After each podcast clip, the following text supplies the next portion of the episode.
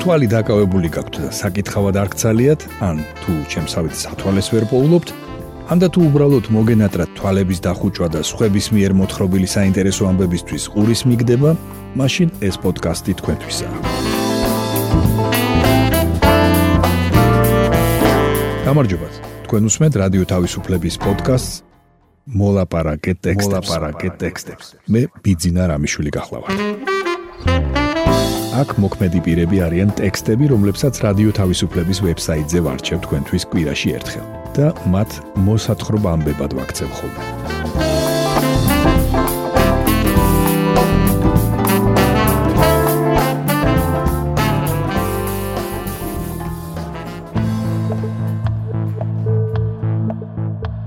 დღეს გესაუბრებით იმაზე თუ როგორ იპარავენ არჩევნებს არჩევნებამდე.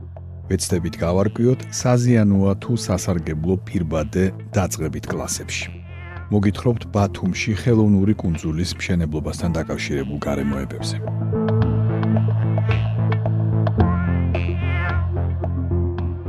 გაგაცნობთ სანდრო გვინდაძის სტატიას როგორ იპარავენ არჩევნებს არჩევნებამდე ეფექტურად და დაუსჯელად.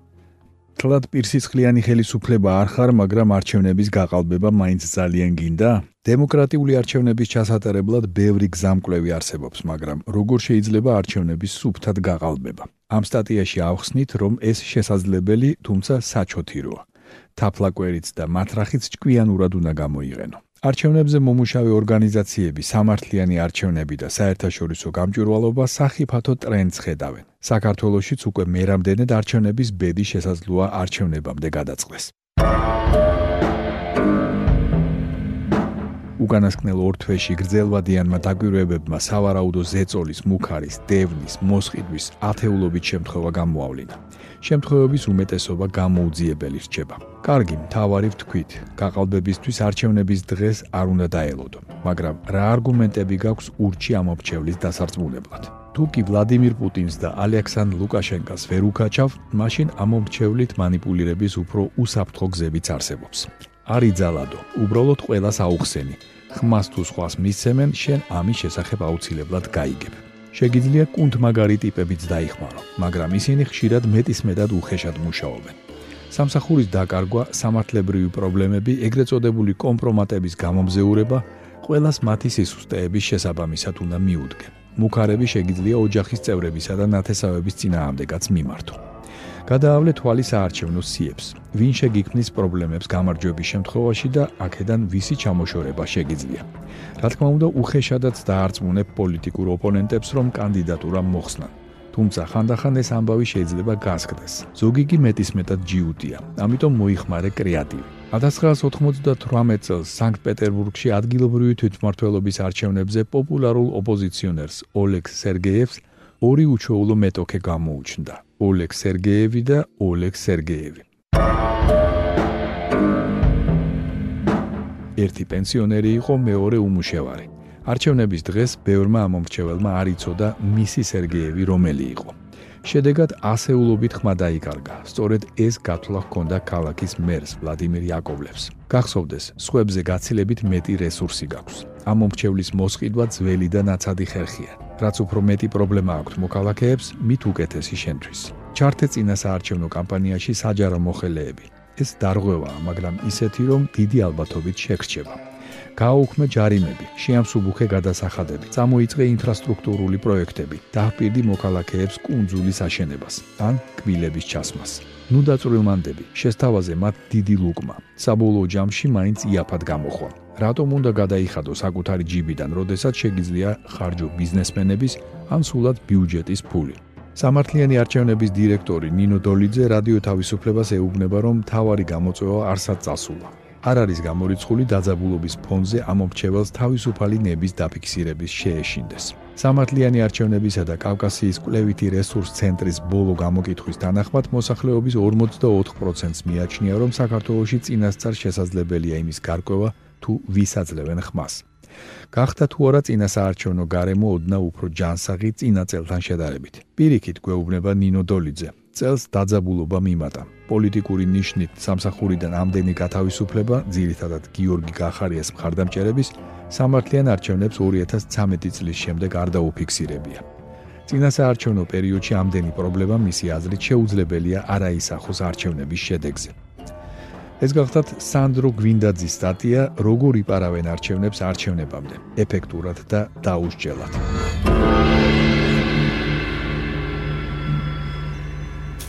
თქვენ უსმენთ პოდკასტს მოლაპარაკე ტექსტებს. ჩვენი შემდეგი ტექსტი გახლავთ ანი ბურდულის სტატია პირბადე დაწყებით კლასებშიც. საზიანო უფრო მეტია თუ სარგებელი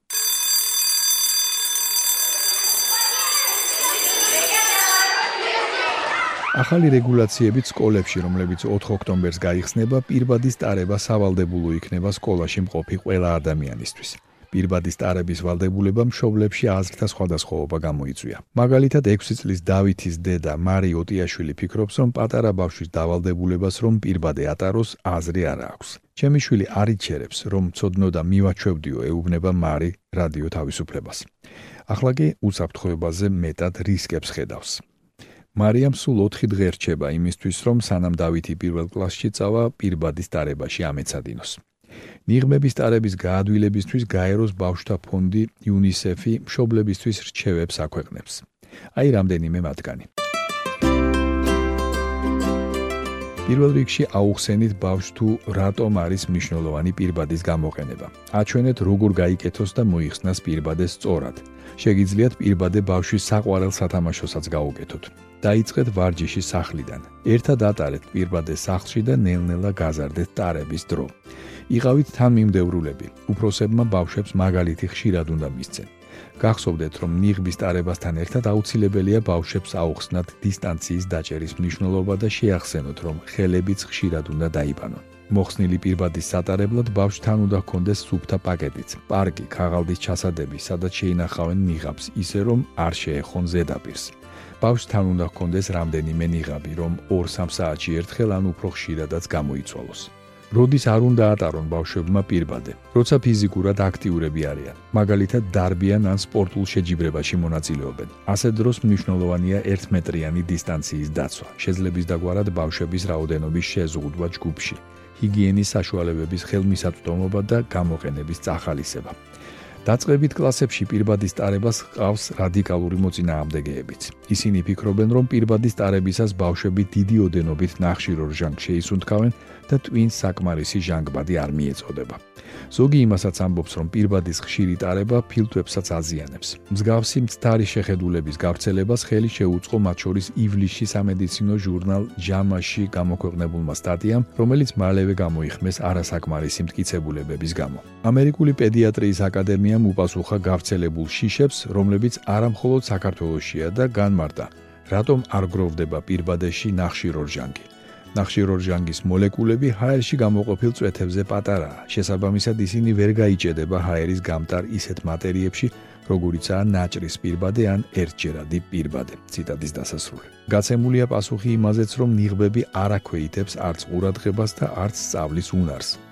ორ წელზე უფროსი ასაკის ბავშვების უმრავლესობას შეუძლია უსაფრთხო დატაროს სახის ნიღბების სკოლაში ხანგრძლივად. რაც შეეხება ფილტვებზე ზეგავლენას, ნიღბის ტარება არ შეაფერხებს თქვენი ბავშვის ფილტვების ნორმალურად განვითარებას, რადგან ჟანგბადი მიედინება ნიღაბში და მის გარშემო ნიღაბი ბლოკავს შხეფებსა და წვეთებს, რომლებიც შეიძლება შეიცავდეს ვირუსს. წერია ამერიკის პედიატრიული აკადემიის საიტზე. პედიატრები და ჯანდაცვის მსოფლიო ექსპერტები რეკომენდაციას უწევენ ნიღბებს COVID-19-ის გავრცელების თავიდან ასაცილებლად. საქართველოში მათ ვისაც სხვადასხვა მიზეზით არ მიაჩნიათ უსაფრთხოდ შვილის სკოლაში ტარება, შეუძლიათ სწავლა დისტანციურ რეჟიმში გააგრძელონ. ამ არჩევანს ბავშვებსა და მათ მშობლებს ყველა საჯარო სკოლა უნდა სთავაზობდეს. ეს იყო ანი ბურდულის სტატია პირბადე დაწყებით კლასებშიც. საზიანო უფრო მეტია თუ სარგებელი.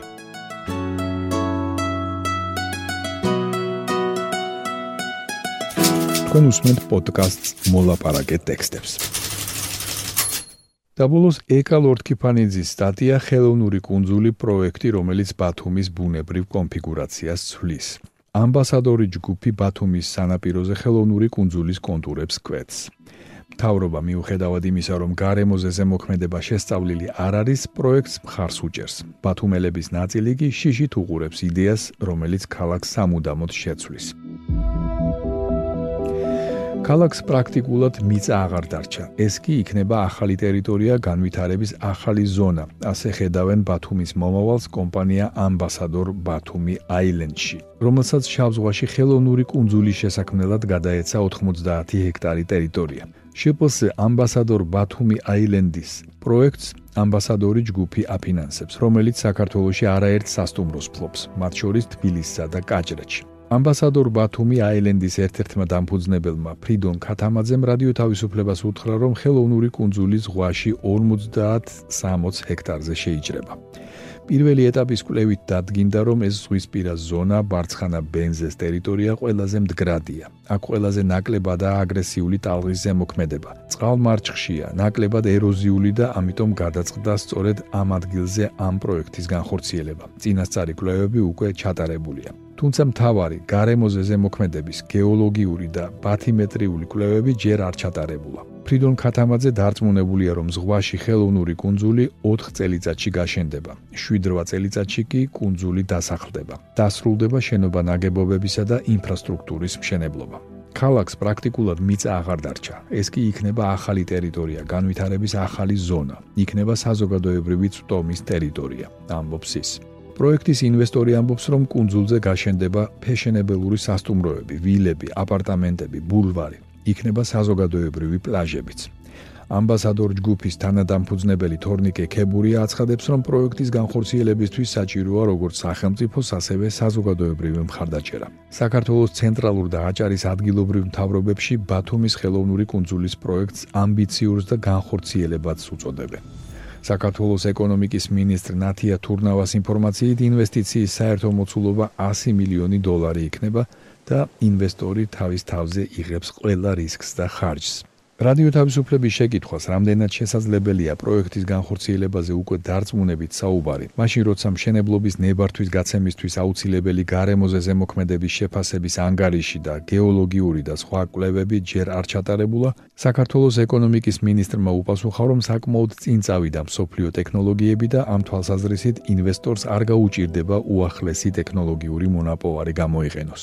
მერწმუნეთ ინვესტორი, რომელსაც თავად მოაქვს 100 მილიონი დოლარის ინვესტიცია ინვესტიცია ეს მათი ფულია და რა თქმა უნდა ყველაზე კარგად გაიაზრებს ამ რისკებს და არასოდეს ჩადებს ამ ხელა ინვესტიციას სარისკო პროექტში ამბობს ეკონომიკის ministri აჭარის მთავრობის თავმჯდომარე თორნიკე რიჟვაძე ამბობს, რომ მთავრობამ ხელოვნური კუნძულის პროექტის შესახებ გადაწყვეტილება სწრაფად მიიღო.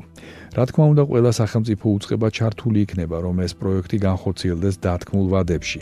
შეიქმნება 2000 ახალი სამუშაო ადგილი. თქვა რიჟვაძემ. რადიო თავისუფლების შეკითხვას ეკნება თუ არა პროექტს ბათუმელების მხარდაჭერა, მაშინ როცა ადგილობრივი საზოგადოების არც თუ მცირე ნაწილი აპროტესტებს ბათუმის ბულვარის შუაგულში ამბასადორის მრავალსართულიანი სასტუმროს მშენებლობას, რიჟვაძემ უპასუხა, რომ ბათუმელების განწყობა ძალიან კარგად იციან. დისკუსია ხელოვნური კუნძულის მოწყობაზე ჯერჯერობით სოციალურ ქსელში მიმდინარეობს. ბათუმელების ნაწილის პროტესტი განსაკუთრებით გააქტიურდა მას შემდეგ, რაც გაირკვა, რომ პროექტს, რომელმაც სანაპიროს ნაწილი მთლიანად უნდა აითვისოს და ქალაქის ბუნებრივი კონფიგურაცია მნიშვნელოვნად შეცვალოს, ამბასადორი ჯგუფი ახორციელებს. ეს კომპანია 16 სართულიან სასტუმროს აშენებს ბათუმში, კულტურული მემკვიდრეობის სტატუსის მქონე 150 წლის ბულვარის შუაგულშიც. ამ შენებლობას არაერთხელ მოხვა ბათუმელების მწვავე პროტესტი და აქციები, თუმცა უშედეგოდ. გასულ კვირაში კი ცნობილი გახდა, რომ კომპანიამ სასტუმროს მშენებლობის ოფიციალური ნებართვის პირობებიც დაარღვია და უკანონოდ უკვე მე-17 სართულს აშენებს. ეკა ლორდკიფანიძის სტატია გახლდათ ეს, მისი სათაურია ხელოვნური კუნძული, პროექტი, რომელიც ბათუმის ბუნებრივ კონფიგურაციას ცვლის.